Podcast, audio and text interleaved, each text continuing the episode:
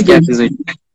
Merhabalar. Sesim sesim net geliyor mu? Görüntü iyi mi? Yani teknik bir problem var mı? E, bende yok hocam. E, herhalde yayında da yok bildiğim kadarıyla. Peki. Hocam aslında konu itibariyle Engizisyon'u konuşalım demiştik. Bundan bir ay önce falan da gündemde Müslümanların e, Engizisyon'a maruz kalan düşüncesi yüzünden e, hatta istifaya zorlanan hatta günümüzde birçok sadece ilahiyat alanında olmasa diğer alanlarda da düşüncelerine yönelik e, böyle Twitter Engizisyon'undan artık oradan adalet aranıyor. Oradan insanlar yargılanıyor. E, bunu konuşalım istedim ama Hristiyanlıktaki dini hoşgörü meselesi, Hristiyanlık dininde hoşgörü meselesiyle daha genel olarak yine buna değineceğiz.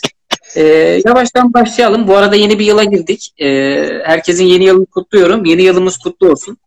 Umarım hedeflerimize ulaşma noktasında e, başarı ve sağlık dolu mutlu yıllarımız olur e, diye bir temenniyle başlayayım.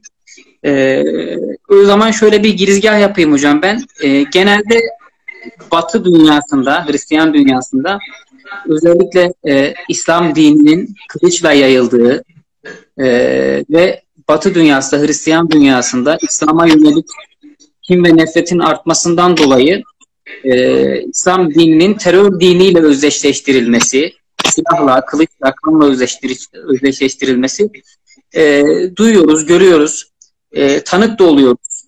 Özellikle e, İslam dininin peygamberine karşı saldırılar, Müslümanlara karşı söylemler, e, özellikle e, Hristiyan dünyasındaki cami baskınıydı. E, ve Batı'nın bize bu yönelttiği suçlamalara bir de Batı içerisinde acaba Batı kendini nasıl tan- tanımlıyor? Hristiyan dininin sevgi dini olduğu, hatta e, siz daha iyi bilirsiniz belki İncil'in ilk emrinin sev olduğu, e, böyle bir dinden bahsediyoruz. E, biraz bu din üzerinden konuşacağız ve bu dindeki hoşgörü gerek başka milletlere, gerek başka dinlere, gerek de kendi içindeki yurttaşlarına karşı bir hoşgörüsü üzerinden konuşacağız diyorum. E, size bırakıyorum hocam. Bundan sonra sizdeyiz. Peki teşekkür ediyorum. Ben e, konuyu şöyle genel itibariyle bir toparlamaya çalışacağım. E, sevgili Onur senin gösterdiğin o e, rotada ilerlemeye çalışacağım. Yani e, birincisi Hristiyanlığın e, sevgi dini olup olmadığı konusu da e, ya da dini hoşgörünün Hristiyanlıkta ne ölçüde var olduğu konusunu tarihin böyle çeşitli dönemlerinden e, bir takım örnekler üzerinden e, değerlendirip anlamaya çalışalım. E, bir diğer taraftan işte bu e, çok haklısın güzel bir yere temas ettin. Yani Papa'nın bir açıklaması vardı e, bir müddet önce.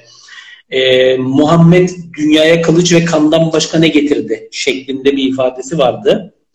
Ee, onu biraz e, şey yapalım. Yani hakikaten de İslam'ın yükseliş süreci nasıl olmuştur? Çünkü e, benim e, şu anda e, muhtemelen iki ay içerisinde yayınlanacak yeni kitabım İslam ve Hristiyanlık başlığını taşıyor. Yani bu kitapta e, İslam'a Hristiyanların gözüyle bakıyorum. Hristiyan kaynaklarından hareketle İslam'ın ortaya çıktığı ve yükseldiği süreci anlatmaya çalışıyorum. Dolayısıyla ihtida hareketleri yani İslamlaşma hareketleri de burada e, Hristiyan kaynaklarında özellikle yer yer geniş çaplı yer bulmuş bir konu.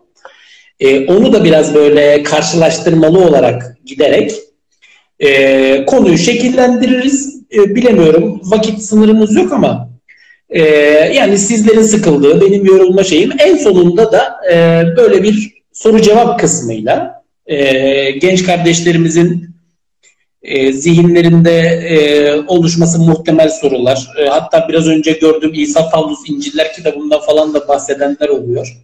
E, yani o konularda da e, sorular olursa e, mümkün mertebe şey yapabiliriz. Ben tabii arkadaşlar e, yani birçok bilenler biliyor. E, Hristiyanlık üzerine çalışıyorum. Yani benim e, uzmanlık alanım e, Hristiyanlık. Özellikle erken dönemi.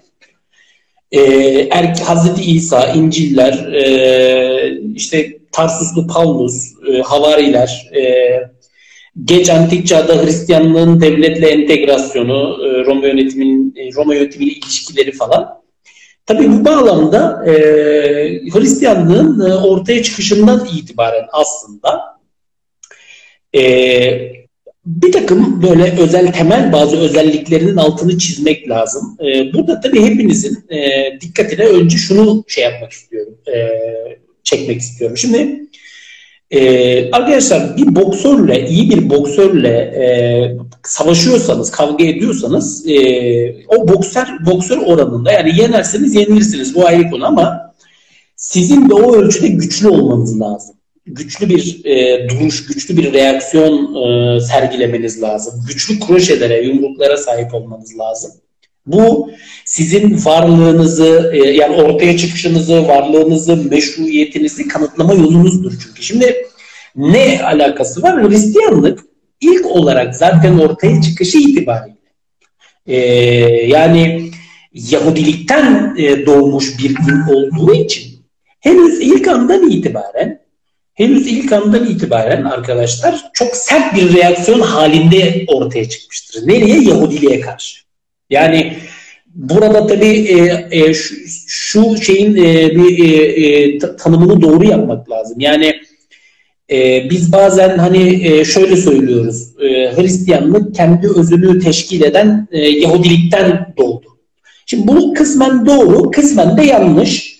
E, bu tartışmalara çok fazla burada konumuz olmadığı için girmek istemiyorum ama Hristiyanlık ortaya çıkarken e, iki şeyle arkadaşlar çok ciddi mücadele etti. Bunlardan bir tanesi Yahudilikti. Çünkü Hz. İsa'nın kendisi İsrailoğulları kavmine gelmişti. Onun öğretileri İsrail oğullarının e, çok iyi anladıkları, çok aşina oldukları bağlamda e, zikredilmiş, gündeme getirilmiş. İşte Mesihlik, Tanrı'nın egemenliği, Musa şeriatı meselesi. Bunlar Yahudilerin çok çok iyi bildikleri e, kavramlardı, mefhumlardı. Fakat e, bizim Hristiyanlık dediğimiz inanç geleneksel Hristiyanlık. Yani bugünkü kilise merkezli geleneksel Hristiyanlık e, daha ziyade Yahudiliğe bir başkaldırı hüviyetinde ortaya çıkıyor. Bakın bu önemli. Başkaldırı. Neden söylüyorum bunu? Çünkü e, Hristiyanlığın bütün öğretileri Hristiyanlığı, e, Yahudi inancının karşısında bir yerlere konumlanacak şekilde doktrine edilmiştir.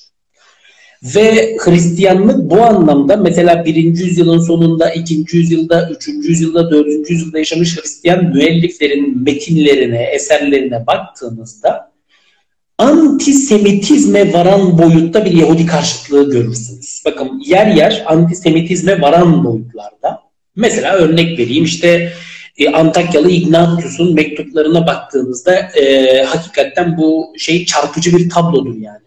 E, İsa'dan 100 yıl sonraki bir dönemden bahsediyorum. İkincisi, ikincisi Hazreti İsa ve havarileri özgün, orijinal havarileri, 12 havarisi işte öğrenci grubu, 70'ler 72'ler denilen öğrenci grubu bunlar Havra'ya giden yani sinagoga giden Yahudi ibadethanelerini mesken tutan insanlardı. Yani o zamanlar kilise diye ayrı bir e, kurum olmadığı gibi bugünkü gibi bir hiyerarşik yapılanma da söz konusu değil. Yani e, Hz. İsa'nın ve e, onun e, takipçilerinin, ilk takipçilerinin gittikleri ibadethanenin adı arkadaşlar sinagog. Hatta sonraki yüzyıllarda da bana sorarsanız İsa cemaatinin özgün takipçileri olan işte Nasranilerdir, Ebiyoniklerdir falan bunlar da kiliseye değil hala e, havralara, sinagoglara giden e, müminler en azından öyle söyleyelim. Halbuki geleneksel kilise de kendi varlığını, kendi meşruiyetini havraya olan başkaldırısına borçludur. Bakın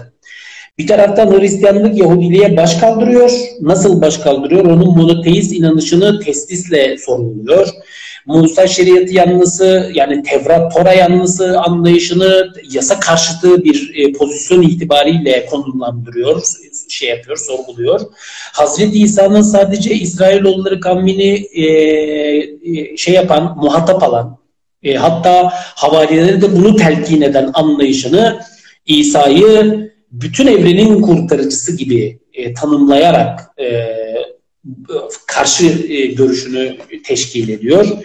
Veya işte siyasi duruşu itibariyle Nasrani cemaatin e, Roma karşıtı ideolojisini işte e, bir sonraki dönemde e, Roma yanlısı bir ideolojiye tevil ediyor, dönüştürüyor vesaire vesaire. Şimdi bu bahis bitmez. Ama Bizim buradan varmaya çalıştığımız sonuç arkadaşlar Hristiyanlığın henüz ilk andan itibaren hani en başta söyledik ya güçlü bir boksöre karşı sizin de güçlü olmanız lazım. Sert bir reaksiyon halinde ortaya çıkıyor. Kime karşı? Birincisi Yahudiliğe karşı. Neden? Çünkü kendi varlığını, kendi meşruiyetini Yahudilik karşısında konumlandırmak zorunda.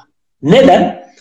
Çünkü eğer öyle olmasa derler ki yahu madem Hz. İsa Yahudilik bünyesinde faaliyet gösterdi, İsrailoğulları kavmiyle iştigal etti, şeriat merkezli bir öğretiyi savundu, İsrailoğullarının zaten öteden beri bildikleri Tanrı'ya imanı kristosentrik bir anlayışla birlikte yani tan, e, özür diliyorum teosentrik yani tanrı merkezli bir anlayışla birlikte tebliğ etti denilse o zaman denilir ki e iyi de o zaman Hristiyanlığa niye ihtiyaç vardı yani bu dine niye ihtiyaç vardı? Arkadaşlar bunların hepsini tabii ki ben detayları burada çok fazla veremiyorum. İsa Pavlus İnciller kitabımı merak eden arkadaşlar okuyabilirler. Şu anda yok ama Düşün yayınlarından o kitabı çıkartmıştık. İnşallah e, kısa bir vadede e, Ocak ayının işte ilk haftası bu hafta tahmin ediyorum e, kitabın yeni basımı yapılacak. E, orada detayları okuyabilirsiniz. Bu konuyla ilgili olarak detayları okuyabilirsiniz. Peki bunun bizi getirdiği nokta nedir? Sert ve katı bir Yahudi düşmanlığı. Bakın size 2000 yıllık bir düşmanlığın background'unun ilk aşamasından bahsediyorum. Ortaya çıkışından. Çünkü bu zannedildiği gibi böyle arkadaşlar. Yani şimdi e, mesela diyelim ki e, Yahudi soykırımı meselesi, Holocaust meselesi, İkinci Dünya Savaşı meselesi falan bunlar açıldığı zaman hemen bir Naziler şeyi gündeme geliyor. Sanki yani Holocaust ya da Yahudi düşmanlığı ilk defa Nazilerle birlikte tarih sahnesine çıkmış gibi yani 1930'larda falan. Hayır böyle bir şey yok. Arkadaşlar o 2000 yılı bir geç birazdan anlatacağım. Şimdi birincisi bu. İki, yani Yahudi karşıtlığı, Yahudi düşmanlığı. İki, Hristiyanlık arkadaşlar ortaya çıktığında e, bir iktidar dini değildi. Bir azınlık diniydi. E, ve e, 4. yüzyıla kadar da azınlık dini olarak kalmaya devam etti. Ta ki İmparator Konstantinos dönemine kadar. Şimdi burada tabii ki bugüne kadar öne sürülen bir takım tezler vardı. Nasıl tezlerdi bunlar? E, Roma yönetiminin işte ilk 3 asırda Hristiyanlığı tarih sahnesinden silmeye çalıştığı, e, bu iki e, Roma yönetimiyle işte Hristiyanlık arasında adeta bir ölüm kalım savaşı yaşandı. Hristiyanların her görüldükleri yerde katledildikleri, Hristiyanlığın yasak bir inanç olduğu şöyledir böyledir bir sürü anlatım. Şimdi arkadaşlar bu anlatımlar bakın meselenin bu bağlamını da benim Hristiyanlık ve İmparatorluk, geç antik çağda kilise devlet ilişkileri ve kristoloji paradigmaları diye bir kitabım var. O da e, şey e, divan yayınlarından çıkmış bir kitap. 2017-2018 tarihli. Oradan detayları okuyabilirsiniz. Merak edenler için söylüyorum. Ya da Nikomedya ve Hristiyanlık kitabından aynı şekilde. Şimdi bu söylem yani bu zulüm söylemi aslında arkadaşlar yakın dönemde birçok çalışmada ortaya konulduğu kadarıyla daha ziyade mit. Yani e, mit de demek arkadaşlar şu demek e, bu anlattığım konu bağlamında e, aslında e, Roma yönetimiyle Hristiyanlığın 300 yıl boyunca böyle bir ölüm kalım savaşı verdikleri falan yok. Ne var? Evet. Belirli dönemlerde belirli Roma, yönet Roma yönetiminin belirli görevliler işte imparatordan tutun da praefectus'a kadar veya neyse yani bir valiye kadar bir bölgede yönetimi üstlenmiş olan o validen bazen en tepedeki o imparatora kadar çeşitli resmi görevlileri Hristiyanlık karşıtı yasalar çıkartabilmişler bazen. Mesela e, Diokletianus'un 303-305 büyük zulüm dönemindeki yasaları veya işte Galerius'un o tetrarşi dönemindeki yasaları mesela. Mesela e, Valerianus'un 260'lı yıllarda, 250'li yıllardaki yasaları veya 249-251 yılında İmparator Decius'un. Arkadaşlar bakın bunların her biri ayrı ayrı tartışılacak, ayrı ayrı konuş, konuşulacak meseleler. Şimdi burada yani bu şeyler Hristiyanlık karşıtı e, yasal düzenlemeler olarak gösterilebilir. Veya e, imparatorların yahut e, valilerin e, keyfi bir takım uygulamalarla Hristiyanlara zulmettikleri de söylenebilir. Ama bakın meselenin bir de madalya öteki tarafı var. O bizi nereye getiriyor arkadaşlar? O da bizi şu noktaya getiriyor. e, Hristiyanlar aslında o 300 yıllık 300 yıllık zaman diliminde zulüm gördüklerinden belki çok daha fazla uzun süreçlerde kendileri açısından elverişli koşullar altında yaşamışlar. Yani sayılarını arttırabilmişler, çoğalabilmişler, misyonerlik ziyaretlerine gidebiliyorlar, kilise ve manastırları inşa edebiliyorlar imparatorluğun dört bir tarafında. İstedikleri zaman istedikleri yerde kilise konsilleri topluyorlar, vakıflar kuruyorlar, ruhban hiyerarşisini yavaş yavaş şekillendiriyorlar. Arkadaşlar bakın bunları yasak olan bir dinin taraftarlarının yapması çok zor. Bir de Roma gibi güçlü bir imparatorluğun içerisinde. Şimdi burada Hristiyanlığın arkadaşlar yer altına çekilmiş bir din olduğunu söylemek zor. Ama serbest bir din de değil. De facto yani serbest bırakılmamış yani yasal bununla ilgili yasal bir düzenleme pek yapılmamış ama yasaklanmamış da de facto olarak varlığını e, sürdürmüş ilk yüzyıllarda. Fakat dördüncü yüzyılda birdenbire şu veya bu sebeple, bakın bu sebepler tartışmalı, bu, bu sebepler tartışmalıdır. Şu veya bu sebeple Hristiyanlıkla e, kiliseyle yani Roma İmparatorluk yönetimi kol kola veriyor. Bir entegrasyon süreci başlıyor. E, bu süreçte arkadaşlar e, biz e, Hristiyanlığın e, resmi devlet dini olma sürecine girdiğini görüyoruz. İmparator Konstantinos 306 yılından itibaren kiliseyi desteklemeye başlıyor e, bütün iktidarı boyunca 337'ye kadar bu desteğini devam ettirmiştir. Sonraki süreçte imparatorluk bir taraftan Hristiyanlaşırken devlet de bir taraftan yönetimi de itibariyle bir taraftan Hristiyanlaşmıştır. Nihayet 379 yılının sonrasında İmparator 1. Theodosius arkadaşlar e, Hristiyanlığı e, imparatorluğun e, resmi dini yapmıştır. Yazgan'ı görüyorum. Yazgan Uğur hayırlı programlar diyor. Yazgancım hoş geldin. Çok teşekkür ediyorum. Yazgan iyi rapçidir yani. Müzik zevkimiz uyuşur şeyle Yazgan'da. Ee, şimdi e, 4. yüzyılda e, Hristiyanlık ve Roma yönetiminin bu entegrasyon süreci arkadaşlar ikinci bir bağlamı gündeme getirdi. Hani biraz önce e, hatırlıyorsunuz değil mi? Yahudi karşıtı bir bağlamdan bahsettik. Yani Hristiyanlığın ortaya çıkışından sonra Yahudiliğe karşı sert bir reaksiyon olarak ortaya çıkması. Fakat öteki taraftan, öteki taraftan Roma İmparatorluğu'nun resmi dini paganizm olduğu için arkadaşlar paganizme karşı bir sert reaksiyon. Yani Hristiyanlığın öteki boyutu, madalyonun öteki boyutu Hristiyanlığın paganizmle kendi varlığını, meşruiyetini şey yapabilmek için sert bir mücadeleye girmesi.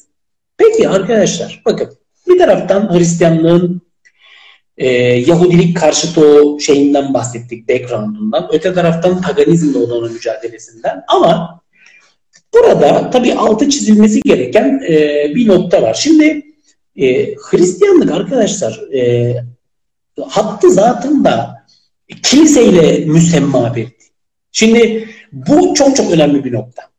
Bizim e, yani e, İslam Müslümanların belki anlamakta nispeten zorlanabileceğimiz sağ olsun bizde de ruhban sayısı son dönemde çok çoğaldığı için aslında birçoğumuzun da farkında olduğu ama e, yine de e, Hristiyanlığın o ruhbanlık anlayışını, Hristiyanlığın kilise şeyini çok iyi bilmek lazım. Kilise bağlayıcıdır arkadaşlar. Kilise bağlayıcıdır Hristiyanlıkta. Çünkü vekalet vardır, vekildir Mesih'in, havarilerin vekilidir. Onun vekili sıfatıyla iş yapmaktadır. Kilisenin almış olduğu bir karar e, ben e, efendim bunu tanımam, e, ben bunu kabul etmem bir müminin, Hristiyan bir müminin bunu söylemesi mümkün değil. O halde kilise eksenli ve kilise merkezli bir anlayış, kilise merkezli uygulamalar Hristiyanlığın aslında esasını teşkil etmiştir. Tarihteki örnekler de zaten bize bunu gösterecek. Dördüncü yüzyılda Hristiyanlığın resmi olarak devlet dini haline dönüşmesiyle birlikte arkadaşlar iki şey yapıldı. Birincisi, iki şey değil aslında daha fazla da ben şimdi ikisinin altını çizeyim biraz daha meseleyi genişleteceğiz. Birincisi, e, Hristiyanlık e, kader diye bir şey var mıdır? şimdi arkadaşlar çok incisiz ya. Hristiyanlık bir taraftan bir taraftan paganizmle öte taraftan Yahudilikle mücadele etmeye başladı. Nasıl bir mücadele? Onur kardeşim yok etme mücadelesi. Ne yaptılar? Bakın 4. yüzyıldan itibaren yani Hristiyanlığın Roma yönetiminin resmi olarak dini olmasıyla birlikte yani Roma İmparatorluğu'yla Hristiyanlığın entegrasyonunun tamamlanması, o sürecin tamamlanmasıyla birlikte Hristiyanlığın artık e, e, Roma yönetiminin resmi dini olmasıyla birlikte devletin Hristiyanlaşmasıyla birlikte arkadaşlar e, yasalar e, Roma yönetimince neşredilen yasalara baktığımızda yani Roma'nın Hristiyan imparatorlarınca neşredilen e, yasalara baktığımızda bu andan itibaren arkadaşlar e, iki şey karşımıza çıkıyor. Birincisi Hristiyanlığın dışındaki diğer dinlerin yaşam alanını mümkün mertebe daraltmak ve mümkün olursa tarih sahnesinden silmek. Şimdi burada paganizmi zaten tarih sahnesinden silmiştir. Bakın arkadaşlar size enteresan bir şey söyleyeyim. Hristiyanlık paganlardan gördüğü, pagandan kastımız nedir arkadaşlar? Bizim İslami terminolojide putperest dediğimiz. Pagan antik çağ dünyasında paganus'tan geliyor. Bu paganus köylü kırlı demek e, aslında kelimenin etimolojisi. Fakat e, Hristiyanlık e, genel itibariyle arkadaşlar şehirlerde yayıldığı için şehirlerde işte bu tek tanrılı dinlere mensup olanlar e, köyde, kırlarda, taşralarda e, insanlar hala o çok tanrılı dinlere mensubiyeti devam ettirdikleri için onlara paganus demişler. Pagan da biz bu bugün antik çağda Yahudi ve Hristiyan olmayanlar için kullanıyoruz bu ifadeyi. Tabi bir de Tanrı'dan korkanlar diye işte God-fearers dedikleri, e, Theosebeoslar denilen falan bir e, bir takım gruplar da var ama bunların sayısı hacmi falan küçük. Şimdi Yahudi ve Hristiyan olmayan ne demek? Pagan. Şimdi Hristiyanlık arkadaşlar pagan dünyada ortaya çıktı. Ve pagan dünyada yükseldi. Ve paganizmin aleyhine bir surette yükseldi.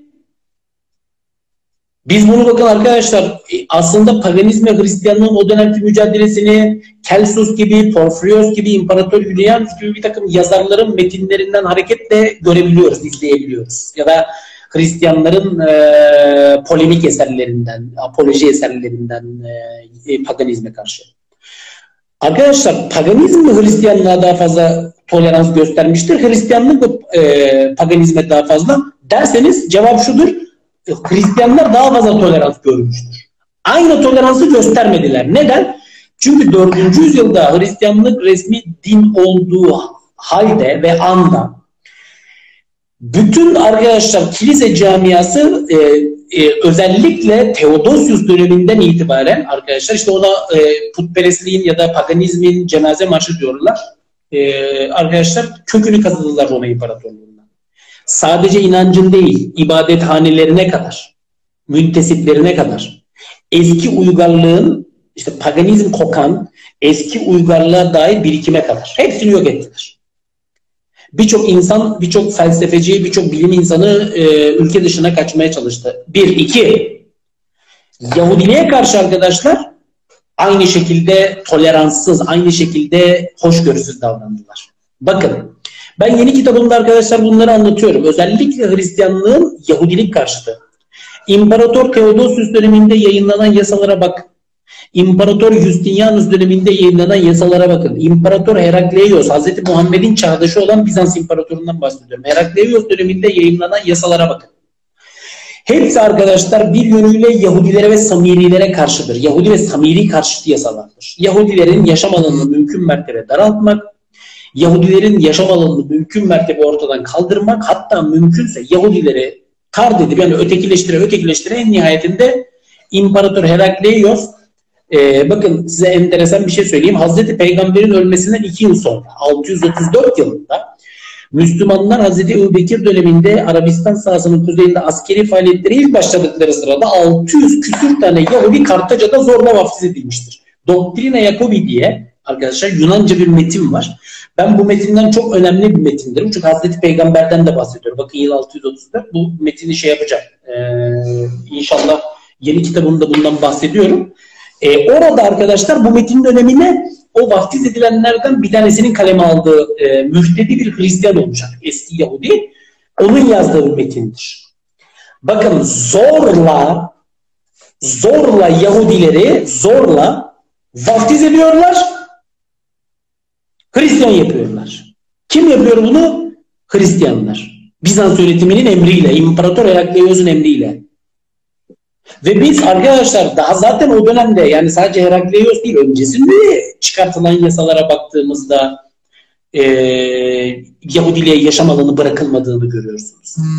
Yahudiliğin o e, buna biz religio licita diyoruz yani yasal e, resmi olarak devlet tarafından tanınmış statüsünün Mesela birçok araştırmacı diyor ki şimdi arkadaşlar yani milattan önce 63'tür Filistin Sasa'nın Romalılarca ele geçirilmesi Büyük Pompeius döneminde. Sonrasında sanıyorum Julius Caesar döneminde işte onların e, kendi dinlerini ve inançlarını özgürce yaşayabileceklerine dair bir e, kendilerine şey veriliyor, imtiyaz veriliyor. Fakat bu imtiyaz işte imparatorluğun Hristiyanlaşmasıyla birlikte tedricen ortadan kaldırılıyor. En sonunda işte Herakleios döneminde Yahudilerin zorla vaftiz edildiklerini falan görüyorsunuz. Bakın ben de arkadaşlar antik çağdayım, Bizans dönemindeyim. Yani da geç antik çağdayım. Bu bahsettiğim 7. yüzyıl Hazreti Peygamber'in 2 yıl sonrası. Ya da işte e, Bizans'la Sasaniler arasındaki 620 602 628 o büyük savaşların yaşandığı dönem. Tabii bu vaftiz şeylerinin falan arkasında hep sebepler var. Bu kadar mı arkadaşlar? Hayır. O dönemde mevcut bütün dinleri hedef almıştır. Mesela e, Maniheizm. Biz aynı şekilde Roma yönetiminin arkadaşlar Maniheizmi yasakladığını, e, birçok Maniheistin katledildiklerini imparatorluk fermanlarıyla görüyoruz. Bunların arkadaşlar Hristiyan kaynaklarında bunlar anlatılan bilgilerdir. Hristiyan kaynaklarında bunlar anlatılır. Yani Hristiyanların aslında diğer dinlerin mensuplarına karşı nedenli hoşgörüsüz olduklarının arkadaşlar şeyi budur. Ee, bizzat kendi kaynaklarıdır. Bu bize arkadaşlar şunu söylüyor. Antik çağda ve geç antik çağda Hristiyanlık kendisine rakip olduğu bütün dinleri imha etmeye çalıştı. İmha yani bir arada birlikte yaşama şey değil. Arkadaşlar bakın ta bundan e, bu bahsettiğimde 1500-1600 yıl sonra değil mi Samuel Huntington'un meşhur, meşhur medeniyetler çatışması tezine baktığınızda aslında gördüğünüz şey odur yani. Farklı kültürlerin ve farklı dinlerin, farklı inançların e, hep bir çatışma içinde olmaları gerektiği, işte bunların e, birbirlerini yok etmek için e, mücadele ettikleri veya edecekleri vesaire vesaire. Birçok bir şey e, burada e, söyleyebiliriz, konuşabiliriz. Antik çağda ve geç antik çağda arkadaşlar Hristiyanlık kendisine rakip olan dinlerle çok sert mücadele etmiştir.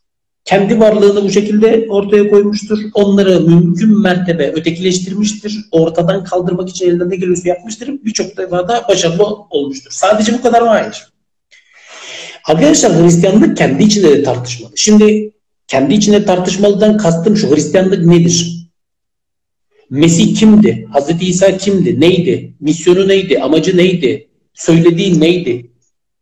İşte onun e, metinleri neydi? Yani bunların hepsi arkadaşlar erken dönemde Hristiyanlık bünyesinde tartışılan konulardır. Ve Hristiyanlık kendi içindeki bu tartışmaları bir taraftan da yürütürken kendi içinde de bir rafinizasyon yapmaya çalıştı. Ne demek? Kendi içinde birçok farklı kol var. Onlarca farklı kol var. Yani Mesih konusunda sadece işte arkadaşlar onlarca farklı kol var. İşte kilise tarihçisi Hippolytus'a göre 60 tane veya Epifanius'a göre işte 80 tane. Bunların her biri yani bu 60 tane grubun her biri İsa hakkında, Mesih hakkında farklı şeyler söylüyor. Kimisi insandır diyor, kimisi yarı insan yarı be beşerdir diyor, kimisi ta doğrudan tanrıdır diyor, kimisi tanrının tezahürüdür diyor. Kimisi işte gnostikler, doketikler başka şeyler söylüyorlar. İşte metafizik bir varlıktır diyorlar. Yani bir fantasiyas diyorlar ona. Yani bir görüm, bir tahayyüldür yani. Bir tahayyülün görümüdür gibi bir şeyleri var. Birçok arkadaşlar bir sürü. Kimisi öyle diyor, kimisi böyle Tanrı hakkında başka şeyler. Allah yani onun tanımı noktasında, Tanrı ile Mesih'in ilişkisi noktasında onlarca farklı görüş. Hangi metin İncil'dir, hangi İncil doğrudur, hangileri değildir? Yüzlerce farklı görüş.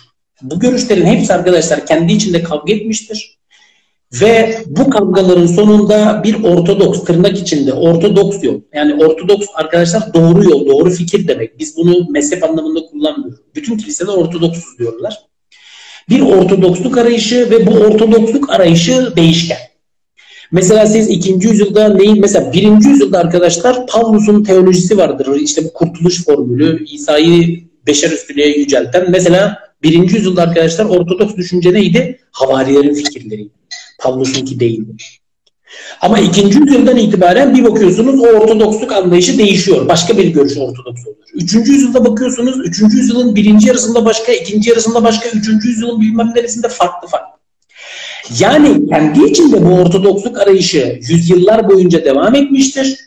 Yüzyıllar boyunca geleneksel bugünkü Hristiyan hiyerarşisini ya da teolojik anlayışını oluşturabilmek için çok yoğun iç mücadeleler yaşanmıştır. Bizim konumuzu, bizi ilgilendiren nokta nedir? Bu çizginin yani ana çizginin dışında kalan çeşitli dönemlerde gruplar, mezhepler arkadaşlar hep ötekileştirilmiş ve zulüm görmüşlerdir. Buna dair arkadaşlar size yüzlerce örnek verebilirim. İşte mesela İsa'nın sadece bir beşer, bir peygamber olduğunu söyleyen Ediyonikler arkadaşlar tarih boyunca zulüm gördüler. Zaten 5. 6. yüzyıllarda büyük oranda tarih sahnesinden silindiler de. Fakat var olanlar Bizans Roma İmparatorluğu'nun içerisinde yaşama şansına sahip değillerdi. Bunlar kaçtılar. Neden? Baskılardan, kovuşturmalardan. Kim yapıyor bu kovuşturmaları? Hristiyan kilisesi. Neden? Çünkü bunlar kilisenin ortodoks tırnak içinde yani Mesih'i tanrılaştıran o anlayışı kabul etmedikleri gerekçesiyle. Ne olmuştur bunlar arkadaşlar? Kaçtılar. İşte kimisi İran'a kaçtı Doğu Kilisesi'nin şeyi altına. Kimisi Suriye'nin çöllerindeki böyle ulaşılamayacak bölgelere. Birçoğu Arabistan'a. Bunlar dağıldılar. Ben yeni kitabımda bunları hep anlatıyorum. Bu Ebionitleri falan. Ariusçular ona keza 4. yüzyılın işte birinci yarısında İmparatorluktaki en büyük tartışma Ariusçuluktu. O da Mesih'le işte İsa ile Tanrı'nın ilişkisini tanımlarken farklı e, yani geleneksel kilisenin hoşlanmadığı, geleneksel kilisenin kristoloji şeyini tatmin etmeyen bir takım izahlarda bulunmuştu. Onu da aforoz ettiler. Sür, hepsi sürgün edildi arkadaşlar aforoz şeylerin, Ariusçuların. Yani kaçmak zorunda bırakıldılar. İmparator 1. Theodosius dönemi bunlar da hep dağıldılar. Neden? Kovuşturmalardan. Arkadaşlar yasal yasal. Yasa çıkartıyor bununla ilgili. Yani imparatorluk yönetimi diyor ki sen diyor Hristiyan ünvanını kullanabilmek için şu görüşe sadece bir teslisçi olman lazım. Baba o kutsal buraya inanmayacaksın. Bunun dışında e ne olacak? 100 tane farklı grup var. Sen diyor defol git yani. Surların dışına diyor. Kiliselere giremezsin. Hristiyan ünvanını taşıyamazsın falan.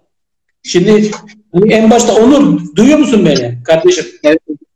En başta dedik ki sevgi dini falan hani bak neler neler var daha dur bakalım. Neler çıkacak daha yani. Sevgi dini de kime sevgi dini yani? Ki hocam ilk çağlardan beri var. Yani bu baskı, ötekileştirme ilk günden bu yana var herhalde bildiğim kadarıyla. Henüz daha çok erkenleri konuşuyoruz daha. Bugünlere kadar gelmedik ama bu baskı ve ötekileştirme ilk günden bu yana var. Şimdi bak ne olmuştur? Bu grupların yani kilisenin ortodoks anlayışının dışında kalan öteki grupların tamamı e, arkadaşlar kovuşturuldular. Zulüm gördüler. En basit örnek çok bilinen klasik örnekler üzerinden gideyim.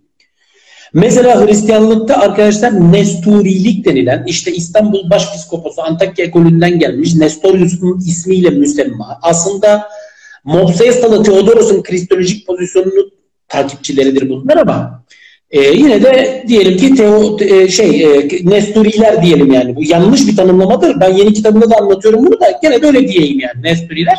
Bunlar arkadaşlar Roma İmparatorluğu'nda barınamadılar. İmparator Theodosius, e, İmparator Zeno bunların Urfa'daki okullarını kapattı. Hepsini İran'a kaçmak zorunda bıraktılar. İran sahasına, eski İran, Sasani yönetiminin yönettiği, Sasanilerin yönettiği o İran sahasına kaçtılar. Persiye, Pers İmparatorluğu. Ve bunların arkadaşlar bütün görüşleri, teorisyenleri hepsi defalarca kere aforoz edildiler. Mesela Justinianus döneminde, mesela çeşitli konsillerde. Geç öteki tarafa miyafizitler. Bunlara da monofizitler diyorlar. Duydun mu hiç monofizitler diye bir ifade? Onur. Evet hocam. Bu konuya çalışırken bakmıştım. Gözüme çarpmıştı. Kim monofizitler biliyor musun? Hocam siz çok fazla bir şey yapmayın deyince, araştırmayın deyince ben de ondan sonra kapattım yani. Şimdi bizde monofizitleri şey sanıyorlar yani İslam'a en yakın mono, mono ya. Mono tabirinden hareketle Sanıyorlar ki yani İslam'a en hayır monofüsiz bu aslında İslam'a en uzak Hristiyanlık mezhebi. Çünkü İsa da diyor Tanrı'yla şeydir yani.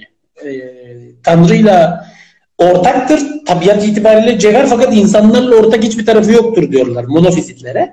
Monofizitlerin görüşü budur. Halbuki mesela imparatorluğun doğusunda arkadaşlar Roma İmparatorluğu'nun doğusunda birçok e, Hristiyan mezhep var. İşte Süryaniler yani Hristiyan topluluklar var. Ermeniler gibi, Süryaniler gibi, Kıptiler gibi falan. Şimdi bunlara hep yıl, yüzyıllar boyunca monofizitler dediler. Hayır bunlar monofizit değil aslında. Bunlar miyafizit. Fakat bunların arkadaşlar Roma yönetimiyle yani imparatorluğun merkez merkezin e, İstanbul hükümetinin ve o muhitin din anlayışıyla anlaşamadıkları, çatıştıkları bir nokta var. Onlar Kadıköy Konsili'ni esas alıyorlar 451'i. Bunlar Kadıköy Konsili'ni ısrarla reddediyorlar. 451 Kadıköy Konsili. Şimdi Hristiyanlıkta konsiller var. 300 eküm, çok büyük e, ekümenik statüde konsiller. 325 İzmir Konsili, 381 İstanbul, 431 Efes, 449 2. Efes, işte 451 Kadıköy, 553 İstanbul'da öyle gidiyor. Şimdi bu konsillerden kimisini o kilise kabul ediyor, kimisi İzmir'i hepsi kabul ediyor. Sonrakiler tartışmalı. 451 yılındaki Kadıköy konsili en tartışmalı olandır. Bu konsilin sebepleri falan çok benim yeni kitabımda da var, Hristiyanlık İmparatorluk'ta da var. Özellikle yeni kitabımda çok detaylı anlattım e, başka bağlamda. Orada e, inşallah Şubat Mart gibi yayınlanacak. Oradan bakabilirsiniz. E, 451 Kadıköy Konsili arkadaşlar Doğu ve Batı Hristiyanlığını ayırdı.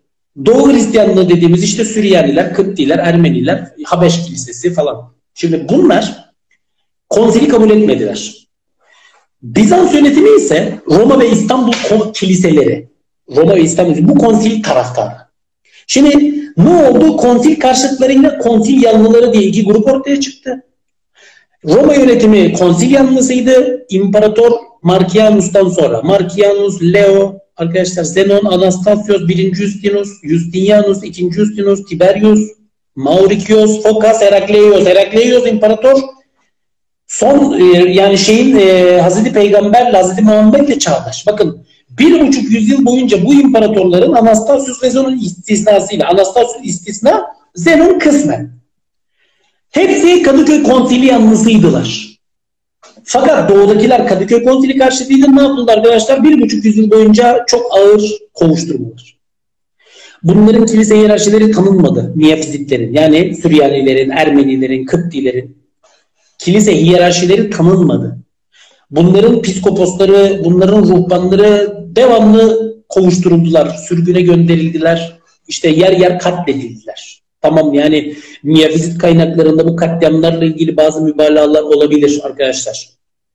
E, fakat e, hakikaten sert bir kovuşturma, özellikle yer yer bazı imparatorlar döneminde sert kovuşturmalar var. Bakın yani geldiğimiz nokta ne? Hani biraz önce bahsettik Yahudiliği yok etmek, e, maniheizmi yok etmek, paganizmi bunları geçtim. Hristiyanlığın kendi içindeki ortodoks görüş, kilise, ortodoks olduğunu, bütün kiliseler ortodoks olduğunu iddia ediyor da gücü eline geçiren kilise yani.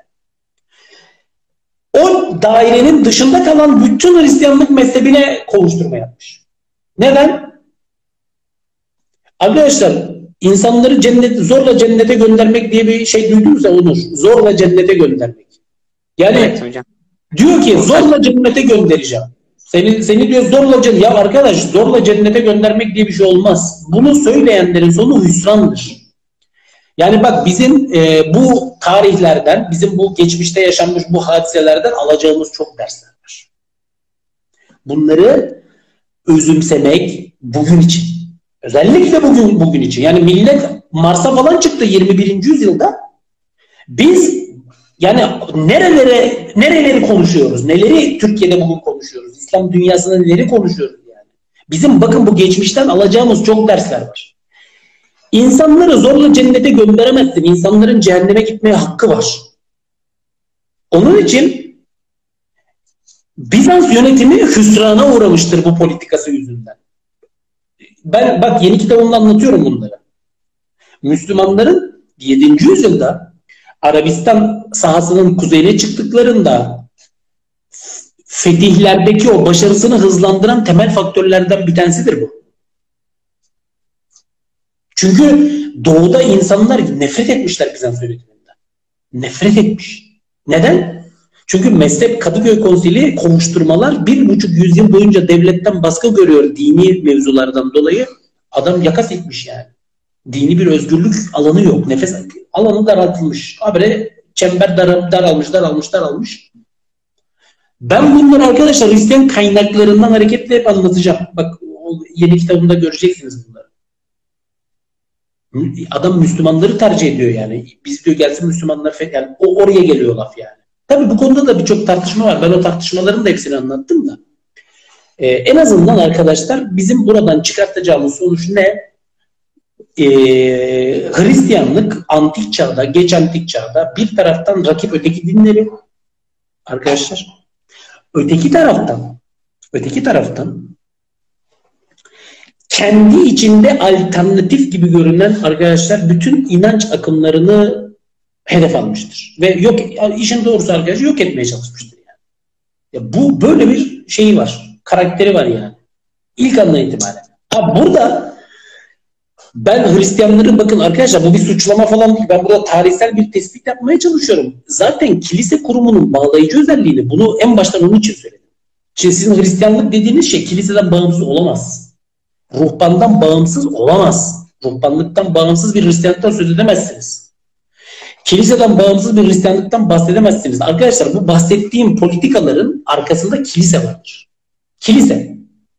Sokaktaki Hristiyanla şeyim yok yani. O, o mesela şöyle düşünüyor olabilir ya biz bütün dinlere, inançlara saygılıyız falan diyor olabilir. Mesela 420 yılında diyelim ki İskenderiye'de bir Hristiyan böyle diyor olabilir. Tamam o onu bağlar da kilisenin kararı bütün Hristiyanlığı bağlar. Onun için önemli bu. Peki arkadaşlar şimdi devam edeceğim ben yani bu Hristiyanlığın daha neler var? Yahudilere, Müslümanlara, işte ta Ruandalara kadar geleceğiz yani İspanyalılar falan da. Papa'nın o lafı, lafı üzerinden biraz da yani çünkü geç antik çağa geldiğimiz için biraz da Müslümanlarla karşılaştıralım bunu. Yani şimdi e, İslam'ın ortaya çıktı. Bir kere İslam'ın ortaya çıktığı falan bunlar yanlış ifadeler yani. İslam ilk insandan beri mevcut olan din de Hazreti Peygamber de son peygamberi yani ilahi dinin son peygamberinin yaşadığı dönemde öyle diyelim İslam ortaya çıktı demeyelim de ilahi dinin son peygamberini yani Hazreti Peygamber Hazreti Muhammed'in yaşadığı dönemde ve sonrasında biliyorsunuz arkadaşlar Medine merkezli bir siyasi yapı ortaya çıktı 622'de. Ve bu Medine merkezli siyasi yapı Hazreti Peygamber'den iki yıl sonra e, aslında Hazreti Peygamber döneminde işte o Mute ve Tebük e, gazveleri falan o vesilelerle işte Bizans'la veya o bölgedeki Hristiyan Arap kabileleriyle, Gastanilerle falan karşı karşıya gelmeye başlamıştı ama e, asıl şey e, mücadele Bizans'la ve Sasanilerle e, Ebu Bekir Hazreti Ömer döneminde başladı, yoğunlaştı. Biliyorsunuzdur bu İslam tarihini biraz şey yaptıysanız bunları biliyorsunuzdur. Ve kısa vadede Müslümanlar büyük bir imparatorluk kurdular. Yani siz 630'larda mesela e, işte Arabistan e, sahasını kontrol eden o devletin e, 100 yıl sonra değil mi? Doğuda işte e, bilmem nerelerden batıda ta işte Pirene dağlarına kadar falan değil mi? Himalayalardan falan böyle bütün yani koskocaman bir imparatorluk olmuş. Peki ne olmuş arkadaşlar yani bu imparatorluk ne olmuş? E, yani herkes Müslüman mı olmuş birdenbire? Hayır. Yani orada yönetici sınıf Müslümanlar fakat yönetilen zümreler ağırlıklı olarak Hristiyanlar var. Bugünkü bu Mezopotamya'da, El Cezire'de, Mısır'da, değil mi? Kuzey Afrika'da, işte Anadolu'da Maraş, Malatya sınırına kadar olan bölgelerde, Filistin sahasında, Arabistan'ın kuzeyinde değil mi? O Gassaniler, Lakmiler falan onlar da şeyler yani Hristiyanlar. Yahudiler var bir sürü. E, Sasaniler Mecusiydi, Mecusi dininin mensupları var. E, o doğuya gitti. Budistler bile var yani. Doğuya gittikçe Budistler falan var. Ne oldu peki Onur? Ya Müslümanlar gidip ne yaptılar? Hepsini yok mu ettiler yani? Hepsinin kökünü mü kazıdılar?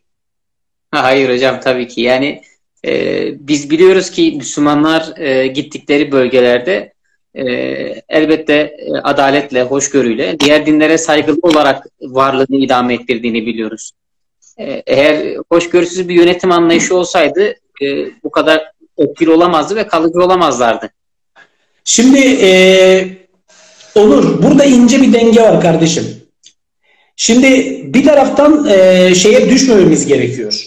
E, nasıl söyleyeyim popülizme bir taraftan düşmememiz, esir olmamamız gerekiyor. Fakat öteki taraftan altı çizilmesi gereken başka şeylerin altını çizmemiz gerekiyor. Şimdi hoşgörü ifadesi görecedir. Neye göre hoşgörü? Şimdi Bernard Lewis'in bir kitabı var. O kitapta e, ilginç bir şeyi var. Bu Müslümanların hoşgörüsünden falan bahsederken diyor ki hoşgörü de neye göre hoşgörü diyor. Mesela diyor ben diyor size soruyorum diyor. Eğer diyor kıstas kıstas e, şeyse e, Auschwitz'e Polonya'da biliyorsun e, Almanların soykırım yaptıkları bir toplama kampı var ya Auschwitz, Birkenau, Varşova'da. Evet hocam. Diyor ki kıstas diyor. Kıstas Auschwitz'e herkes bir hoşgörülüdür. Çok doğru değil mi? Doğru, doğru hocam. Nedir yani hoşgörünün hoşgörünün kıstası nedir yani? Neye göre hoşgörülü? Peki sınıflı bir toplum yapısı mıdır? Bunu da mesela Sidney Griffith soruyor. O da çok önemli bir oryantalisttir. Bizde bir oryantalistleri sevmezler biliyorsun yani. Bence Türkiye'de iki şeye çok büyük haksızlık yapılmıştır. Birisi oryantalistler, ikincisi pozitivizm. Neden? Çünkü anlamıyoruz. Yani e, hemen şeylere baktığında görürsün. Müsteşrikler der böyle işte şey yapar falan. Ya arkadaş tamam bu müsteşrikler her şeyi doğru söylemiyorlar da. Yani ön yargılı olanları da var. Birçok noktalarda ön yargılı e, konuşmaları da söz konusu. İslam'ı İslam'a kara çalma şeyleri e, hepsi var da. E, madalyonun öteki tarafı da var. Veya pozitivizm. Tamam pozitivizm yani e, dini bir bağlamda baktığınızda her şeyi şey hani bütün yönüyle kötü değil ki yani. Pozitivizmin insanlığa bilime kazandırdığı birçok şey de olmuştur geçmişte yani. Bakın bunlar arkadaşlar bunlar kavramlar. Bu kavramlar içi doldurulması gereken, konuşulması, anlaşılması, çalışılması gereken kavramlar. Böyle hemen slogan gibi yani şeyden geçmemek lazım.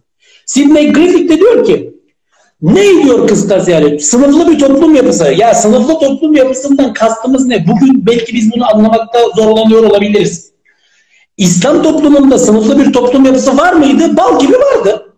Bütün sistem buna göre dizayn edilmişti. Öyle değil mi? Müslümanlar ayrı bir sınıftı. Gayrimüslimler zimmi hukukuna tabi olanlar ayrı bir sınıftı. Bunlar eşit haklara mı sahiplerdi?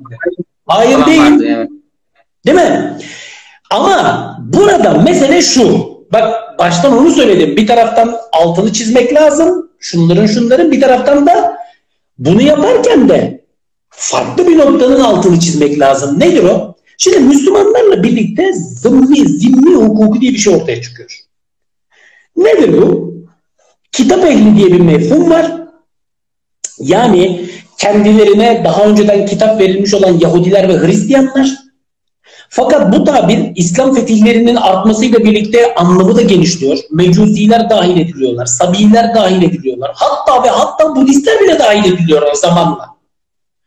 Bunlar devlete Müslüman olmamanın karşılığında fakat Müslümanların üzerine zimmetlenmiş olmanın karşılığında. Yani bunların canları, malları, ırzları, her şeyleri Müslümanların üzerine zimmetleniyor en küçük bir şey yok. İnançları, ibadethaneleri güvence altına alınıyor. Karşılığında cizye vergisi ödüyorlar. Cizye. Ve yine bu zimmi hukuku şeyinde değişken de olsa bazen daha fazla gözetilse bazen gözetilmese de bir takım şeyler de var. Kısıtlamalar da var. Kılık kıyafetle ilgili mesela. İşte dini sembollerle ilgili mesela Hristiyanlarla ilgili falan. Bu hukuk sistemi arkadaşlar bakın özgün ve orijinal bir şeydir. Bunun altını çizmek lazım. Ne olmuştur arkadaşlar? Müslümanlar gittikleri hiçbir coğrafyada hiç kimseyi İslamlaştırmak adına arkadaşlar kafalarına silah dayamadılar. Şimdi Papa Efendi Hazretleri orada yanılıyor işte. Hani o dedi ya Papa Muhammed dedi aleyhisselam dünyaya dedi kılıç ve kandan başka ne getirdi ki dedi. Hayır. Arkadaşlar kılıçla ve kanla büyüyen devlettir. Bakın Medine merkezli siyasi yapı kılıçla büyümüştür. Sonradan biliyorsunuz onun merkezi işte Emeviler döneminde Şam oldu, e, Suriye merkezi. Sonradan Bağdat oldu Abbasiler döneminde 1258 biliyorsunuz yani bu şeyi. Kılıçla büyüyen olur. Arkadaşlar Müslümanlar bakın ben neden bu kadar kesin konuşuyorum? Bakın neden ben bu kadar? Çünkü ben o dönemin bütün Hristiyan kaynaklarını okudum. Acaba gerçekten de Müslümanlar kafasına vurmuşlar mı yani birisini? Birisine gelip de işkence etmişler mi siz Müslüman olun? Hayır Müslümanlar tam tersine özellikle Emeviler döneminde hiç istemiyorlar yani İslamlaşma olsun diye. Çünkü kendileri biraz daha böyle elit konumdalar. Hatta Müslümanlaşanları bak ilginç bir şey söyleyeceğim. Müslümanlaşanları bile hala tam olarak böyle kendi şeylerini almıyorlar. Ciddi ödemeye devam ediyor onlar. Ne zamana kadar? ikinci Ömer, Ömer bin Abdülaziz dönemine kadar. Ömer bin Abdülaziz'in o vergi şeyi arkadaşlar bu yüzden önemlidir. O mevali diyorlar ya, yani Müslümanlığı kabul eden öteki Arap olmayanlar mesela. Hayır diyor artık bunlar da cizye ödemeyecek diyor. Halbuki o güne kadar Müslümanlaştıkları halde cizye ödeyenler var. Bakın arkadaşlar bunlar önemli bir şey. Nedir burada e, meselenin şeyi? Hristiyanların ya da Yahudilerin veya kim olursa olsun yani Müslüman olmayanların, gayrimüslimlerin arkadaşlar burada biz şunu görüyoruz. Mukadderatları, gelecekleri, inançları, canları, malları arkadaşlar X bir yöneticinin tasavvuruna, X bir yöneticinin hoşgörüsüne bırakılmıyor. Yasal olarak bir düzenleme söz konusu. Bu müthiş bir şeydir. 7. yüzyılın koşullarında. Zaten arkadaşlar bunun biz ilk uygulamasına farklı şeyler de olsa 622'de Hazreti Peygamber'in Medine Sözleşmesi'ne bakalım. Onun sonrasında Arabistan sahasında Hristiyan, Yahudi e, topluluklarla yapmış olduğu anlaşmalara bakalım. Sonraki süreçte evet bu e, şeyin e, bağlamında e, değişiklikler olmuştur. E, anlamı genişlemiştir. E, e, veya e mesela Medine Sözleşmesi'nde bir eşitlik söz konusu Müslümanlarla Yahudiler işte Putperestler falan o şeyde. Fakat sonrasında Müslümanların daha üst bir sınıf olarak şey yapıldığını özellikle e, cizye ayetiyle birlikte işte bir yani birçok şey var. Süreç içerisinde dönüşüm söz konusudur ama arkadaşlar bakın 775 yılında yazılmış Zukmin Kroniği çok hacimli miyafizik bir Hristiyan tarafından yazılmıştır. Bak 775. İskenderiye Patrikleri tarihi Mısır merkezi bir Hristiyan metnidir. Nikio'da Yuhanna'nın psikopos, Nikio psikoposu Yuhanna'nın metni. 7. yüzyılın arkadaşlar ikinci yarısında kaleme alınmıştır. Yani ben bakın size tek tek kaynakları söyleyerek gidiyorum ki kimsenin aklına bir şey kalmasın. Pseudo Metodios diye bilinen arkadaşlar 692 tarihli bir metin. 692 tarihinde kaleme alınmış bir metin. Urfalı Yakup'un metni. Urfalı Yakup 708 yılında ölmüş miyafizittir. Neden mi söylüyorum arkadaşlar? Bunların hepsi İslamlaşma konusundan bahsediyorlar. Hristiyanlar arasındaki İslamlaşma. Ve hepsinin ortak özelliği, hepsinin ortak yönü. Hiç kimseye diyorlar, bakın o kadar geniş çaplı bir İslamlaşma mesela Yeşu yapım mektubu 659 tarihli. Hristiyanlar arasında o kadar geniş çaplı bir e, İslamlaşma oluyor ki arkadaşlar İslam'ı kabul etme. Fakat Hristiyan ruhbanlar şuna şaşırıyorlar. Diyorlar ki ya nasıl oluyor? Kimseye diyor zulmetmiyorlar. Yani gelip de kamçılamak, darbe, işkence, hiç kimseye din değiştireceksiniz, dininizi değiştirmek böyle bir şey yok. Evet bakın arkadaşlar burada şey yapmıyorum.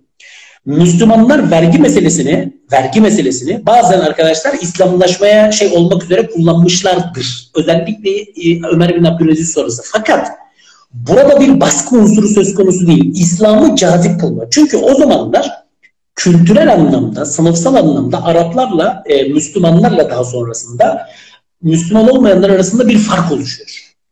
Müslüman sınıf arkadaşlar insanların olmayı istedikleri bir cemiyete dönüşüyor. Yani sosyal bir imrenme durumu söz konusu. İslamlaşmada bu faktör vardır. Psikolojik bir faktördür. Bakın birçok insan vicdani kanaatini dinleyerek Müslümanlaşmıştır. Yine Hristiyan kaynaklarını anlatıyorum. Birçoğunda bu psikolojik faktörler vardır ama hiçbir şekilde arkadaşlar Hristiyanların öteki dinlerin yani biraz önce anlattım ya Onur Maniheistlere, paganlara, Yahudilere, işte şunlara bunlara veya kendi içindeki diğer e, akımlara karşı o yok etme. O şey siyaseti arkadaşlar yok. Bakın bu tarihin bize söylediği bir şey. Bunu çok net görüyoruz. Peki dönelim tekrar Hristiyanlığa. Şimdi 7. yüzyıldan bahsettik ya geç antik çağdan. Yani Hazreti Peygamber'in hemen sonrası Medine merkezi siyasi yapının büyümesi, İslam'ın terakki etmesi, yükselmesi değil mi? Biz dokuzuncu bakın arkadaşlar bir azınlık dinidir ilk ortaya çıktığında. Hazreti Peygamber öldüğünde dünyanın kaçta kaçı Müslümandı? Yahu bir Arabistan yarımadası. O, o da ne kadar Müslüman olduğu belli değil yani. Zaten birçoğu e, e, biliyorsun isyan etti. Döndüler hocam. Ha. Yani kimin ne kadar Müslüman olduğu da tartışılır. Ama 9. 10. yüzyıllara bakıyorsunuz arkadaşlar artık Hristiyanlar azınlık olmaya başlıyorlar. Müslümanların sayısı daha fazla. E nasıl oluyor o zaman yani bu kimseye kılıç zoruyla e, Müslüman yapmıyorlarsa? Arkadaşlar bak ben sana ben e, size şeyler anlatmıyorum. İslam kaynaklarından ben Hristiyan kaynaklarından anlatıyorum. Yazı, bunları arkadaşlar yayınlayacağım. 2 iki ay sonra Allah nasıl kısmet ederse. O zaman nasıl bir oldu? kitabın özeti gibi oluyor hocam. Ha bir taraftan da öyle gidiyor evet.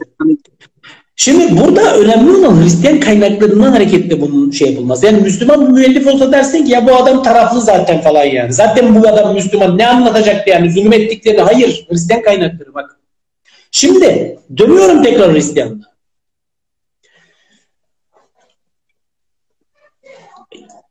Sadece Bizans dönemiyle mi sınırlıdır bu Hristiyanlığın arkadaşlar şeyi?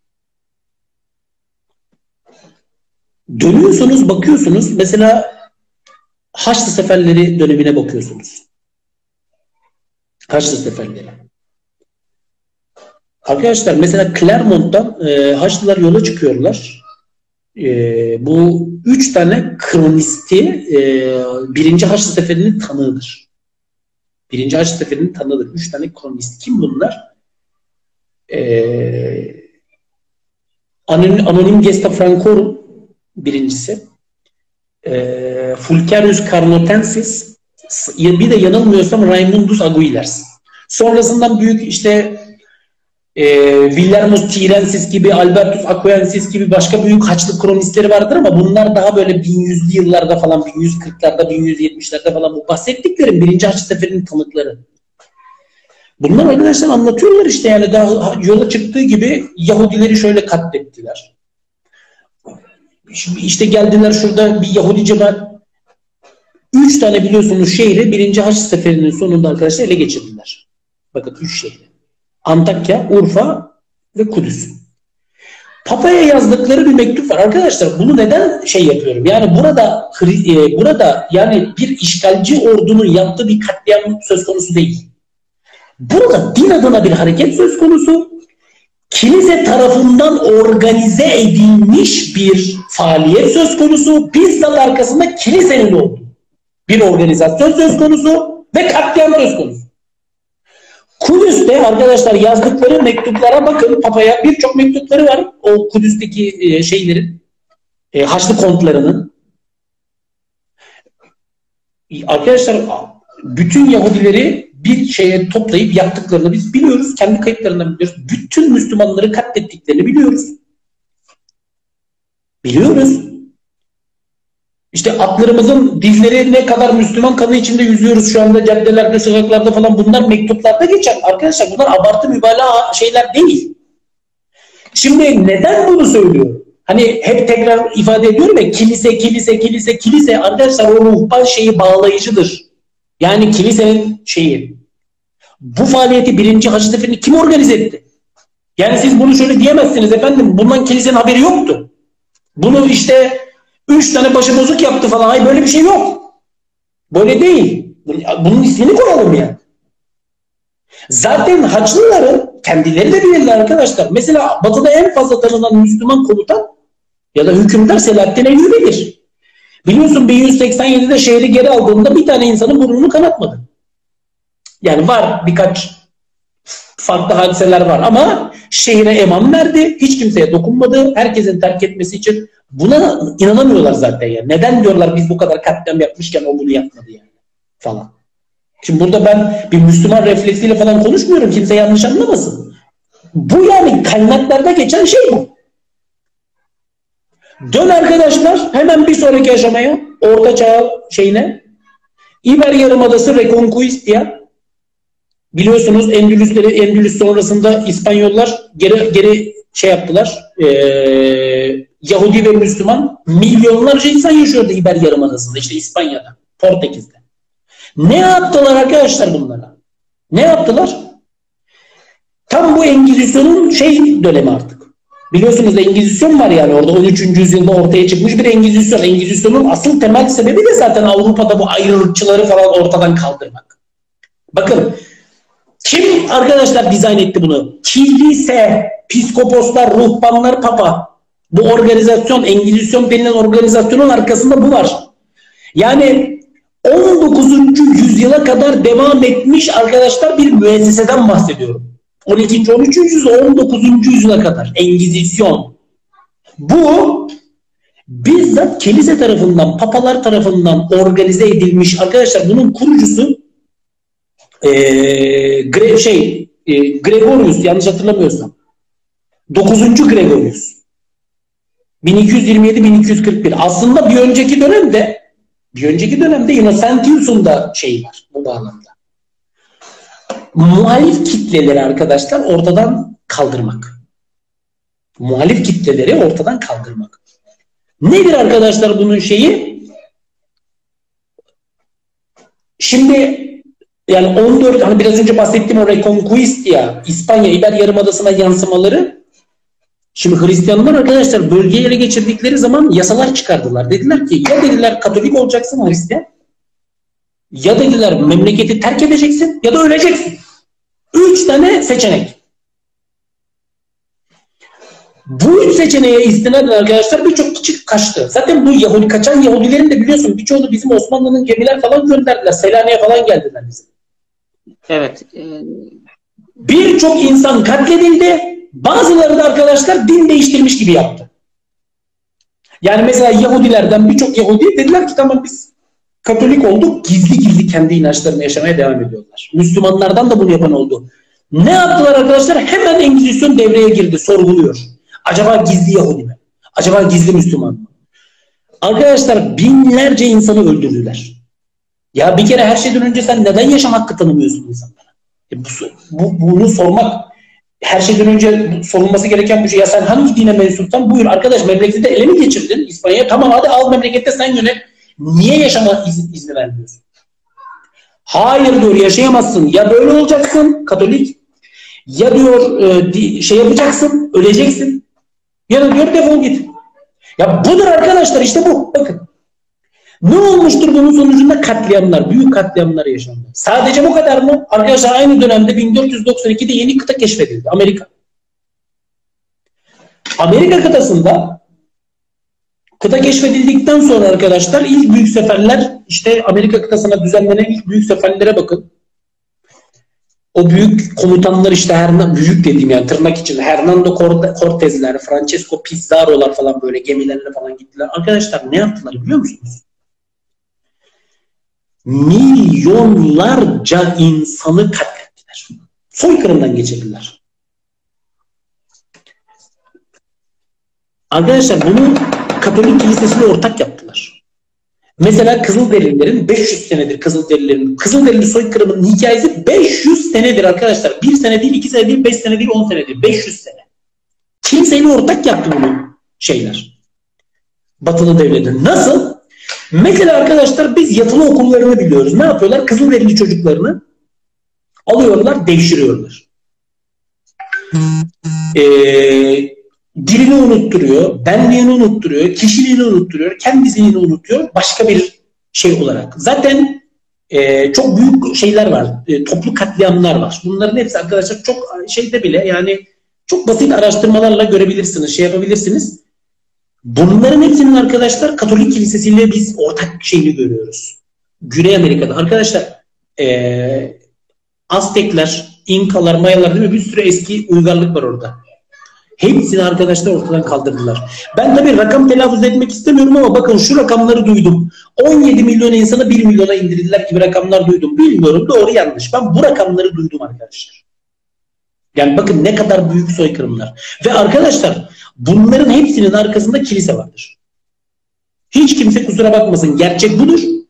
Hangi arkadaşlar objektif geçmiş tarihçiye bakarsanız bakın göreceğiniz şey de budur. Amerika kıtasındaki yaşananlardan arkadaşlar bu kadar da değil. Mesela birçok Amen diye bir film var. Ben bu filmi izlemenizi isterim. Amen. Bir İkinci Dünya Savaşı filmidir. Filmin konusu şu.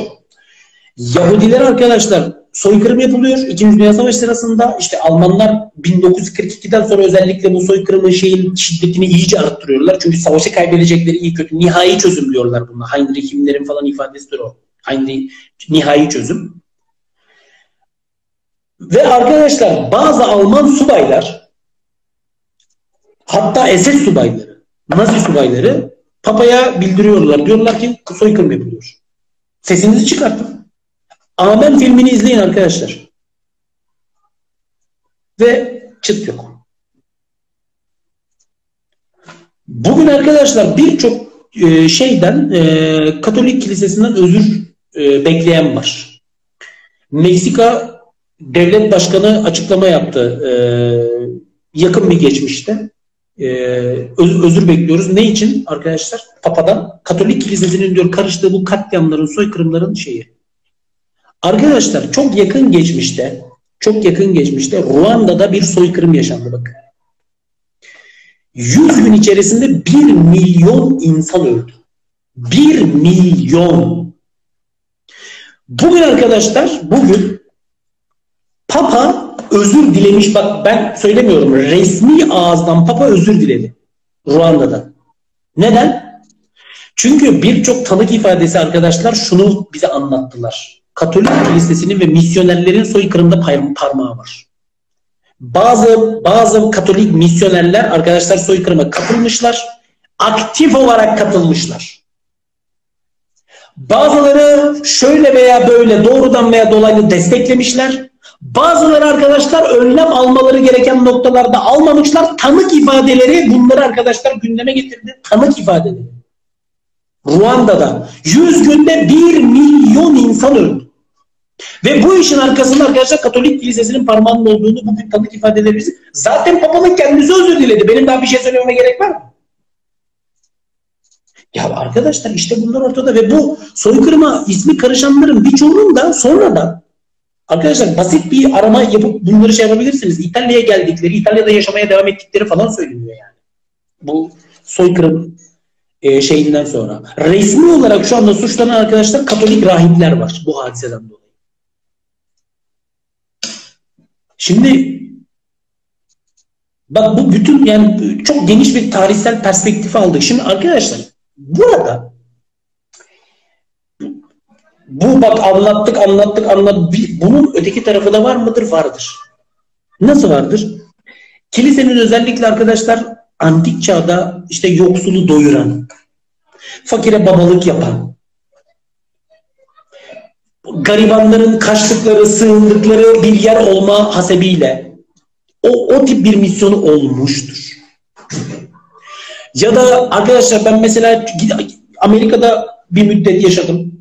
Orada gördüm. Kilisenin bugün sosyal anlamda misyonu var. Önemli bir misyonu var. Nedir o? Arkadaşlar dini olmaktan ziyade zaten dini olarak kilisenin e, ortaya ileri sürdüğü arkadaşlar teolojik şeyleri, bilim adamları zaten bitirdiler. Bu kitab-ı mukaddes eleştirisi araştırmaları, tarihsel İsa araştırmaları son 250 yıllık dilimde arkadaşlar kilisenin zaten bu teolojik şeyini çok sarstılar yani. Bu bir gerçek. Kilise arkadaşlar bunun farkında zaten kendi içinde de yüzlerce fraksiyona bölünmüş durumda. Fakat burada sosyal anlamda arkadaşlar önemli misyonlar üstleniyor. İşte yardımlaşma, sosyalleşme. Ben Amerika'da bunu gördüm arkadaşlar. Kilise cemaati, kilise şeyinin hakikaten bu tip güzel, işte organizasyonlar düzenliyor. Belki fakire fukaraya yardım söz konusu. Sos, e, e, belirli günlerde işte cemaat şeylerinin e, o e, birbirleriyle yakınlaşmasını değil mi? Bireysel şeyin biraz daha özellikle bireysellik mefhumunun biraz daha ön planda olduğu e, şeylerde, cemiyetlerde bu önemli bir misyondur. Hani bakın bu gibi şeyleri de var. Yani bunları da inkar etmiyorum. Sonra e, ruhbanların arkadaşlar insanlık tarihine birçok açıdan hizmetleri de olmuştur. Entelektüel adamlardır. Literatürü bilen adamlardır. Literatür oluşturmuş adamlardır. Hristiyan ruhbanlar Hristiyanlığın literatürünü oluşturan adamlar olduğu gibi ruhbanlardır. Sokaktaki adam değil. Historiografik metinler yazmışlar, şiirler yazmışlar, hagiografik metinler yazmışlar. polemik metinleri yazmışlar, teoloji incelemeleri yazmışlar, işte kitab-ı mukaddese tefsirler yazmışlar. Bunlar eli kalem tutan adamlar. Bakın meselenin bu tarafı da var. Yani bunların yani bir taraftan bakın bir sürü eleştiride bulunduk. Öteki taraftan da meselenin hani hakkını yiğidi öldür hakkını teslim evet hakkını da teslim ediyoruz yani. Bu tarafı da vardır yani. Bak bunları da inkar etmiyorum. Hani kimsenin aklına ya hoca tabii dışarıdan bakıyor bir Müslüman olarak hayır. Bunları biz bir Müslüman olarak da ifade ediyoruz. Ama arkadaşlar bunlar da meselenin arka planında var olan şeyler. Şimdi ben buradan dönün bakalım. Müslümanlar çok mu hoşgörülü bugün? Bu çok ayrı bir tartışma. Bak ben Müslümanların hoşgörüsüne hiçbir zaman bahsetmedim. Neden bahsettim? Müslümanların hukuk anlayışından bahsettim. Zimni hukukundan. Bak bu İslam dinini ve İslam tarihini bence ayrı bir yere koymanın gerekçesidir. Hukuki olarak öteki tırnak içinde, gayrimüslim tırnak içinde dediğimiz insanların yaşamlarını, canlarını, mallarını, inançlarını, ibadethanelerini hukuki anlamda e, tanımlayan, sigorta eden, güvence altına alan bir anlayış. İslam tarihinde herkes efendim herkes yani bu hukuka uygun mu davrandı? Hayır. Var Müslüman yöneticilerden de var yani bu hukuku delmiş. Bu hukuku şey yapmış. Şimdi bak ben anlatıyorum yani şey kaynaklarından e, böyle e, Müslümanlar da gittiklerinde bazı yerlerde yani e, Hristiyan kaynaklarına göre hiç de öyle bizim zannettiğimiz gibi şeyler değil. Çok farklı şeyler de olabilmiş yani. Yani kimse kusura bakmasın. Biz tarihçi, bizim işimiz bunları konuşmak. Ama Müslümanların o devlet çarkı işleyişi içerisinde ortaya koydukları o hukuki anlayış ki bunun temeli İslam, şeydir bizzat Kur'an-ı Kerim'dir. Cizye'de zimmi hukukunda şekilleniyor. Dolayısıyla bu bir hani bizde hep e, Onur kardeşim dillendiriliyor ya hoşgörü, hoşgörü, tolerans, hoşgörü, tolerans. Ya bu hoşgörü, tolerans nedir bu? Nereden çıkıyor yani? Hoşgörü de nereden bu hoşgörü yani? Hadi sen hoşgörülüsün. Ben hoşgörülüyüm. Öteki hoşgörülü. Benimki hoşgörülü. Herkes mi hoşgörülü? Hiç mi psikopat çıkmadı bizim aramızdan yani? Hiç mi de? Ya hayır burada ön plana çıkartılması gereken mefhum, hukuk, yasa, adalet, adalet bütün yöneticiler üzerinde sınırlı, sınırlayıcı bir yetkiye sahip. İşte fark budur. İşte Bizans yönetimiyle Bizans İmparatorluğu'yla Sasani yönetimiyle bakın ben Sasanilere falan hiç girmedim yani. Sasanilerin de 410'da sözüm ona Hristiyanlığı tanımışlardır. 410'da Yazgit döneminde toplanmış kıtası Seleuke kıtası konsili var. Fakat 410 yılından sonrakine şeyine bakın siz Hristiyanların arkadaşlar bütün mukadderatı Hristiyanların bütün mukadderatı Sasani sıralarının iki dudağının arasındadır. İkinci Hüsrev geldi mesela dedi ki hayır dedi sizin dedi patrik atamanıza izin vermiyorum. 28 sene boyunca arkadaşlar Hazreti Peygamber'in öncesi 600 yılların başı. 28 yıl boyunca kiliseye arkadaşlar bir, bir din adam atayamadı şeyler. Hristiyanlar İran sahasında. Üçüncü şapur zulümleri Hocam üçüncü bak zulümden bahsedeceksek Hristiyanlara yapılmış zulümden Bizans İmparatorluğundan önce o Şapur'un zulümleri var. 307, 309, 379 dönemi. Hristiyanların gördükleri en ağır kovuşturmalardır onlar. Sasani İran sahasında. Peki dönüyoruz bakıyoruz. Müslüman yönetimi altında Hristiyanlar hiç tarihleri boyunca hiç bu tip bir katliama maruz kalmışlar mıdır? Arkadaşlar bakın oryantalist hani beğenmediğimiz oryantalistler var ya onların ifadesiyle söyleyeyim size. Birçoğunun kabul ettiği en azından İspanya'da diyor. İspanya'da Hristiyanların Müslümanlara ve Yahudilere yaptıkları zulüm gibi bir zulmü diyor. Hristiyanlar Müslüman yönetimi altında hiçbir zaman görmüyor. Bakın bu çok önemli bir tespittir. Bu çok önemli bir tespittir. Fakat siz bunu şuna bağlayamazsınız. Ya efendim onlar kötü biz iyiyiz. Onlar tukaka biz şöyle şöyle müthiş insanlarız yani. O bir onlar şey hoş görsün biz hoş. Hayır. Bizde bir hukuk sistemi var. Bizi farklılaştıran şey buydu. Kur'an-ı Kerim'in ve erken İslam döneminin işte farkı da budur zaten. Diyeyim Onur kardeşim. E, sanıyorum bir saat 15 dakika falan konuştuk. E, sözlerimizi e, hakkını helal etsin genç kardeşlerimiz buradan bizi dinleyenler. E, soru, soru varsa onları biraz cevaplamaya çalışalım. Hocam ağzınıza sağlık. Çok iyi oldu. Gayet de güzel oldu. Anlatışınız Özgür abiye benziyor. Biraz hızlı, heyecanlı. Gayet de güzel oldu hocam. Sağ olun. Ee, hukuktan bahsetmişken ben de bu aralar hocam Kitabul Haraç okuyorum. İmam e, Ebu Yusuf'un kadı. E, onlarla alakalı işte ganimet, sevat arazilerin Müslimler, gayrimüslimlere tanınan haklar, bilge, haraç gibi e, Hazreti Ömer'in iştihatları da takdire şayandır. Onların hakkını tutmasıyla alakalı. E, güzel bir tarih serencamı oldu hocam. E, gayet açıklar mahiyetli oldu. Genel bir şey yaptınız, çerçeve çizdiniz bize.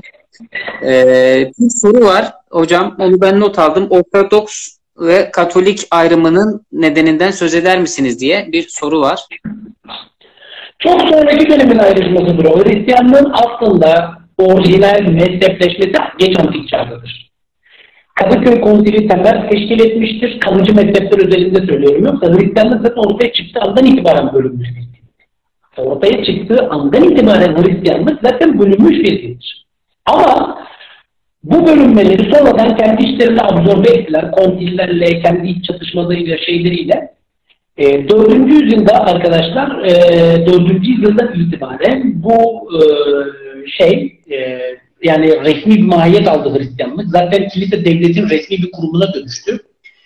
E, fakat e, bu resmi görüşlere alternatif teşkil eden bazı görüşler de sonradan ortaya çıkmaya devam ettiler. Geç antik çağda Hristiyanlık dünyası kalıcı olarak bölündü. Batı Hristiyanlığı işte e, Roma ve İstanbul kiliseleri eksendi Batı Hristiyanlığı ve Doğu Hristiyanlığı. Doğuda daha fazla kilise hiyerarşisi ortaya çıktı. Doğu Kilisesi dediğimiz İran'da, İran Kilisesi, işte Niyazidi Süryani Kilisesi, Ermeni Kilisesi, Kıpti Kilisesi falan. Bunun dışında Herakleios döneminde işte Maruni Kilisesi ortaya çıktı. Ee, Rum Ortodoks Kilisesi aynı şekilde, Melkit Kilisesi, Melkitlerin sonradan e, evrilmiş şey yapılmış. Bakın asıl mezhepleşmeler bunlardır.